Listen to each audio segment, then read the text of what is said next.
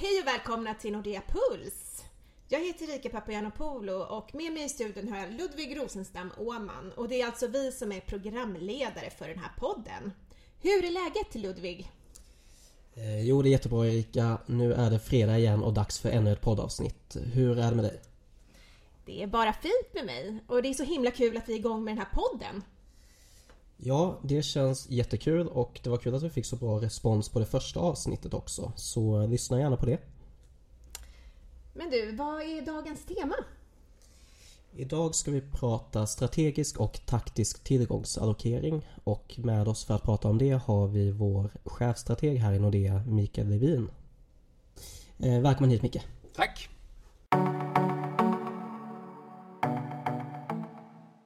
Eh, hur är läget med dig Micke? Eh, tack strålande faktiskt. Som ni sa, det är ju fredag och eh, det brukar ju vara en av de eh, åtminstone statistiskt sett lyckligaste dagarna på, på veckan. Det gäller ju även för mig. Härligt. Eh, jag tänker att du kan börja med att berätta lite kort om vad en chefstrateg gör kanske. Ehm, det är en hel del saker. Jag skulle vilja säga att kanske kärnan i arbetet det är ju att hålla koll på marknaderna. Och det är också det, den grupp som, som jag tillhör, som för övrigt heter Asset Allocation, som eh, har det uppdraget att eh, försöka hänga med då så, så, så gott det går. Det är ju rätt mycket marknader där ute. Eh, aktuella händelser och utifrån det då ta fram bankens globala marknadssyn. Men temat idag är ju strategisk och taktisk tillgångsallokering. Mm. Kan du berätta lite grann, vad är det egentligen? Ja, eh, kort sagt så kan man väl säga att det är egentligen hur du konstruerar din portfölj. Eh, och då börjar vi faktiskt med den strategiska sidan för att när du lägger upp någonting strategiskt då har du oftast ett lite längre perspektiv. Och det är också där man ska starta när det kommer till sitt sparande eller sin portfölj. Att försöka lägga ner någon sorts form av plan. Och då är det en hel del olika saker man givetvis behöver tänka på det innan man bara springer iväg och, och konstruerar en portfölj. Utan det gäller att tänka igenom, tänka igenom lite grann innan man, man gör det. Hur kan man tänka då? Ja, eh, alla vill ju ha liksom maximal avkastning. Det är ingen snack om saken. Och helst ingen risk. Och det är någonting som i verkligheten är väldigt, väldigt svårt att, att, att uppnå. Eh, jag skulle vilja säga att det kanske, den kanske viktigaste frågan du ska ställa till dig själv det är hur du förhåller dig till just risk. I det här fallet finansiell risk. Det vill säga möjligheterna att få avkastning kontra då risken att faktiskt förlora pengar. Hur reagerar du i olika situationer när det kommer till om du står inför en möjlig vinst eller kanske framför allt en möjlig förlust. Det är väldigt lätt att vilja vara med i en uppåtgående marknad men ingen vill ju vara med i en nedåtgående marknad. Och skulle det vara möjligt att liksom pricka marknaden eller tajma marknaden perfekt. Eh, då skulle det inte vara några problem. Problemet är att ja, det går inte. Det, det, det är i stort sett omöjligt. Och därför återvänder vi hela tiden till det här med försök hitta din risknivå då, eller din finansiella risknivå. Hur väl tål du svängningar? För det är det det handlar om egentligen, risk. Och den här strategiska tillgångsallokeringen då, hur kan den se ut? Ja, det, det kommer tillbaka till den här hur du för, just hur du förhåller dig till risk. Och det, det, på pappret så är det ju ganska intuitivt. Om du till exempel har en väldigt kort placeringshorisont, säg att du ska spara ihop till någonting på ett år. Och så gillar du inte riktigt det här med, med stora svängningar. Ja, men då är det väl ganska ja, dumt skulle jag vilja säga att stoppa in väldigt mycket aktier i den portföljen. Då ska man ju hålla sig till mer säkra tillgångslag. Å andra sidan då har du en lång horisont, det kan ju till exempel gälla ditt pensionssparande och eh, du känner att på 30 års sikt så, så kan jag nog ta en och annan nedgång för att därmed då försöka få eh, en högre förväntad avkastning. Ja, då kan vi också ha, eller du i det här fallet kan ha mer aktier i portföljen. Aktier är ju det tillgångslag som liksom bygger avkastningen i portföljen över tid. Och det har ju inte, minst eh, visat sig här de senaste åren, åtminstone efter finanskrisen, när, när räntorna är så pass låga. Eh, så det handlar väl någonstans om att försöka just hitta risknivån. Hur mycket aktier tål jag att ha i min portfölj? Eh, jag tänker på det här, jag menar om nu aktiemarknaden är den, eh, eller aktier är det tillgångsslag som gett bäst avkastning över tid och man brukar även säga att den svenska börsen har gett väldigt bra avkastning. Varför ska man inte sitta med 10 svenska aktier i portföljen? Ja, det är, det är frestande att göra det. Vi känner ju oftast till våra inhemska bolag då eh, man har en historia med dem och så vidare. Eh, faktum är ju att den svenska aktiemarknaden utgör ungefär 1% av ett, av ett världsindex.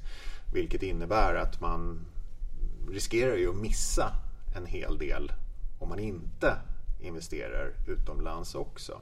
Sen det här med att svenska börsen har haft en, en högre avkastning historiskt sett.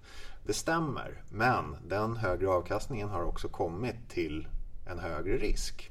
Och i goda tider då, eller när marknaderna går uppåt, då har den svenska börsen en tendens att slå ett globalt index. Men i eh, dåliga tider eller när det är lite skakigt på marknaderna så, så brukar vi hamna ganska långt ner på eh, förlorarlistan också. Så det är återigen det är en avvägning. Har man haft det här 30 eller 40-åriga perspektivet, ja, då har Sverige levererat väldigt, väldigt bra. Men vill du ha lite mer stabilitet över tiden, då skulle jag definitivt rekommendera att faktiskt söka sig även utanför Sveriges gränser när det kommer till då aktie, aktieexponeringen. Om man inte bara har aktier i portföljen, vad ska man ha för andra olika tillgångar? Det finns massor att välja på. Eh, traditionellt sett så eh, portföljer det, det är ju eh, aktier. Eh, sen brukar man ha långa obligationer också. Eh, och de kommer ju i lite olika format. Eh, basen brukar vara statsobligationer. Och I Sverige så har det traditionellt sett varit svenska Eh, statsobligationer men i takt då med att marknaderna öppnas upp och kapital flyter betydligt friare idag än för kanske 20-25 år sedan så finns det ju givetvis en marknad med tyska statsobligationer, amerikanska och så vidare. Och så vidare. Och det, statsobligationer det är oftast stötdämparen i en portfölj. När det är riktigt dåligt på marknaden, till exempel som under finanskrisen, då är det i princip det enda tillgångslag som kommer att ge ett positivt bidrag eller begränsa förlusterna då i resten av portföljen. Sen finns det krediter eh, som också kommer i ett antal olika skepnader. Vi har krediter med hög eh, kreditrating, investment grade. Efter det så kommer high yield eh, som har då sämre kreditvärdighet. De ligger väl någonstans mellan eh, aktier och statsobligationer i risk. Eh, också mer ränta då än, än eh, eh statsobligationer. Och till sist då tillväxtmarknader. Eh, där finns det också statsobligationer men det finns även företagsobligationer dessutom i lite olika valutor. Så det finns en hel del att, välja på när det kommer till den långa ränteexponeringen i portföljen. Det behöver inte bara handla om svenska statsobligationer. Eh, jag tänker på det här, vi pratade lite om risk innan och mm. Eh, riskjusterad avkastning är ett begrepp som man stöter på. Mm. Ehm, vad innebär det och varför är det viktigt att mäta? Det det kan man väl säga är, är själva kärnan i eh, just det här med strategisk allokering. Och det handlar om att för varje enhet risk du är villig att ta så se till att få då den maximala avkastningen för den risken. Och det gäller oavsett om du har en låg risknivå i portföljen, du kanske har 10% aktier, eller om du har en hög risknivå i portföljen, 90% aktier. Eh, och det uppnår man ju då genom att diversifiera, det vill säga sprida riskerna, inte bara mellan tillgångslagen utan även inom dem. Och då vänder vi tillbaka lite till den här diskussionen med svenska aktiemarknaden kontra, kontra de globala. Eh, vår neutrala eller strategiska aktieportfölj den innehåller 15% Sverige.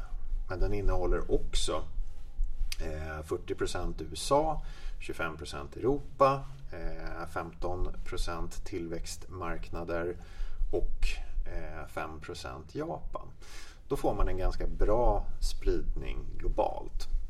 Och samma sätt då inom obligations eller långa räntedelen. Se till att ha statsobligationer men också krediter, investment grade, high yield, lite tillväxtmarknadsobligationer och så möjligtvis så kan man ha en liten andel kontanter. Det beror ju på vad portföljen är till för. Har du en lång placeringshorisont kanske kontantandelen ska vara lite mindre. Har du en kortare placeringshorisont, ja då kan man ju öka upp den lite grann. Man brukar ju säga att 90 procent av avkastningen kommer från den strategiska allokeringen. Vad menas med det egentligen? Ja, det är om man tittar på en portfölj över tiden eh, så kommer någonstans mellan då ja, 60 och 90 procent. Det beror lite på vilken undersökning man, man använder. Det har ju kommit en hel del eh, akademiska papper på, på det här området. Men den strategiska allokeringen bestämmer väldigt, väldigt mycket hur din avkastning, men också, och det här är viktigt att inte glömma bort, eh, också din risk kommer att vara i portföljen. Och här någonstans börjar vi komma in på lite det här taktiska allokering. Eh, den strategiska allokeringen det är ju din långsiktiga portfölj. Det är den du ska leva med så att säga, i ur och skur, både i uppgång och nedgång. Men sen beroende på hur marknaderna utvecklas eller vad du har för syn på marknaderna på kort sikt så kan man göra små avvikelser från den här långsiktiga portföljen. Och det är det som brukar kallas då för taktisk allokering. Kan man se det som en turboväxel? Ja, det skulle jag inte vilja säga för då kommer vi tillbaka till de här någonstans 60-90% av den långsiktiga avkastningen i den strategiska eller det som bestäms av den strategiska allokeringen. Resterande andel då, den bestäms av när du gick in i marknaden, vilka produkter du använder för att bygga den här portföljen och möjligtvis då den taktiska allokeringen. Och det har vi sett över eh, ganska många år också. På Nordea så har vi haft våra modellportföljer i, i 15 år. Och vi har också haft en taktisk syn under den här tiden. Och den ligger någonstans där runt kanske en procent eh, som bidrag till portföljen. Men den absolut största andelen av avkastningen och så, det kommer från den strategiska allokeringen. Men du, hur ofta ska man eh, följa upp, rebalansera portföljen? Ja, rebalansera bör man göra och det där kan låta som ett litet eh, eh, krångligt ord. Det är det inte utan det handlar snarare om att, att, att titta över portföljen åtminstone en gång per år. Säg att du har en, en, eh, en sparportfölj som är 50% aktier och 50% långa räntor. Och så har vi ett kanonår på aktiemarknaden. Det kanske blir 10% i avkastning. Och så ja, händer det inte så mycket på räntemarknaden. Då har du ju plötsligt betydligt mer aktier än vad du har räntor i förhållande till vad du ska ha i portföljen. Och därför tycker inte vi det är eh, speciellt dumt att faktiskt se över portföljen. För när du hakar upp mer aktier om marknaderna går bra, då får du också en ökad risknivå i portföljen som du kanske inte skulle ha från början. Och därför är det bra att en gång om året då liksom trimma lite här och var så att du hela tiden återvänder till det här långsiktiga allokeringen mellan olika tillgångslag i portföljen. Eh, jag tänkte bara gå tillbaka till det här med risknivån igen. Eh, det är ganska svårt om man, om man sitter med en egen portfölj att bestämma sin egen risk. Eh, hur, mm. hur ska man tänka? Alltså hur, hur lär man känna sig själv på det sättet? Ja, det var någon känd amerikansk investerare som jag pinsamt nog har glömt bort namnet på. Men han eh, tyckte att man skulle börja med 50% aktier, 50% räntor. Och sen eh, skära ner aktieandelen tills man sov gott om natten. Eh, och det är väl någonstans där man faktiskt kan börja. Vad får mig riktigt nervös över mitt sparande? Och det är oftast när marknaden går ner. Det är ingen som vill förlora pengar. Det är regel nummer ett inom sparande, förlora inte pengar. Eh, och det är omöjligt att säga liksom vad som är eh, just din individuella risknivå. Men eh, fundera lite på hur du skulle ställa dig till om marknaderna kanske skulle gå ner 20 procent. och du känner att nej, det där vill jag inte vara med på. Ja, då ska man nog inte ha så mycket aktier i portföljen för att det är Ja, det är klart att det är en ganska ovanlig rörelse men den är knappast unik på aktiemarknaden. Men jag tänker om man då alltid har den här allokeringen mellan olika tillgångsslag.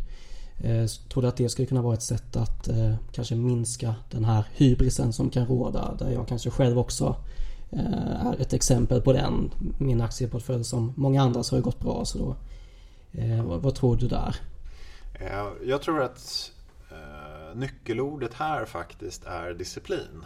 Och det handlar, eh, som vi har varit inne på, att försöka då hitta någon sorts form av långsiktig allokering som du kan leva med både när det går bra på marknaden men även när det går dåligt.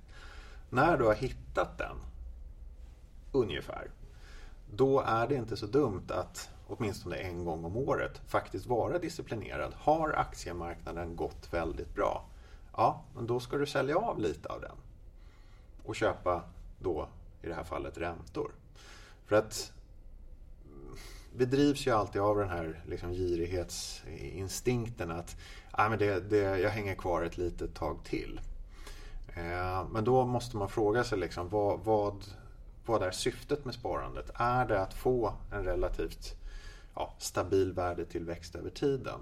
Då måste man se upp med när det har varit goda år just på aktiemarknaden så att aktieandelen inte blir för stor. För då kommer det att svida rejält om det skulle bli en nedgång på marknaden. Och det var ju inte tanken från början med portföljen. Utan den var ju konstruerad för att du skulle kunna ha, eller tåla, en nedgång i den strategiska allokeringen. Men du Micke, kan du inte berätta hur en vanlig dag på jobbet ser ut för dig och dina kollegor? Uh, ja, byter vi till lite annat. Jag som sagt tillbringar ju en hel del tid med att uh, följa de uh, globala marknaderna.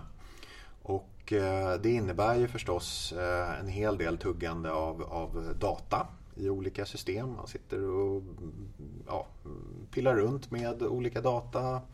Eh, det handlar om att läsa en hel del, det handlar om att träffa andra.